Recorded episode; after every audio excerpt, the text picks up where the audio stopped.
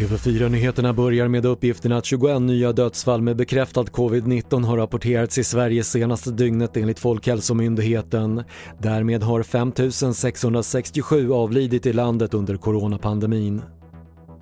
Tre personer har anhållits misstänkta för människorov i Filipstad i Värmland. Polisen säger att det rör sig om en man som varit försvunnen sedan i söndags kväll och enligt SVT nekar de tre misstänkta till brott. Den 66-åriga man som suttit häktad sedan i mitten av juni misstänkt för sexuella övergrepp mot barn i västra Stockholm begärs nu häktad för flera brott. Enligt åklagaren rör det sig om sex nya brottsmisstankar mot tre nya offer och mer om det här kan du se på TV4 Play. Och ett nytt jordskalv ska ha inträffat i havet utanför den nordamerikanska västkusten skriver Aftonbladet.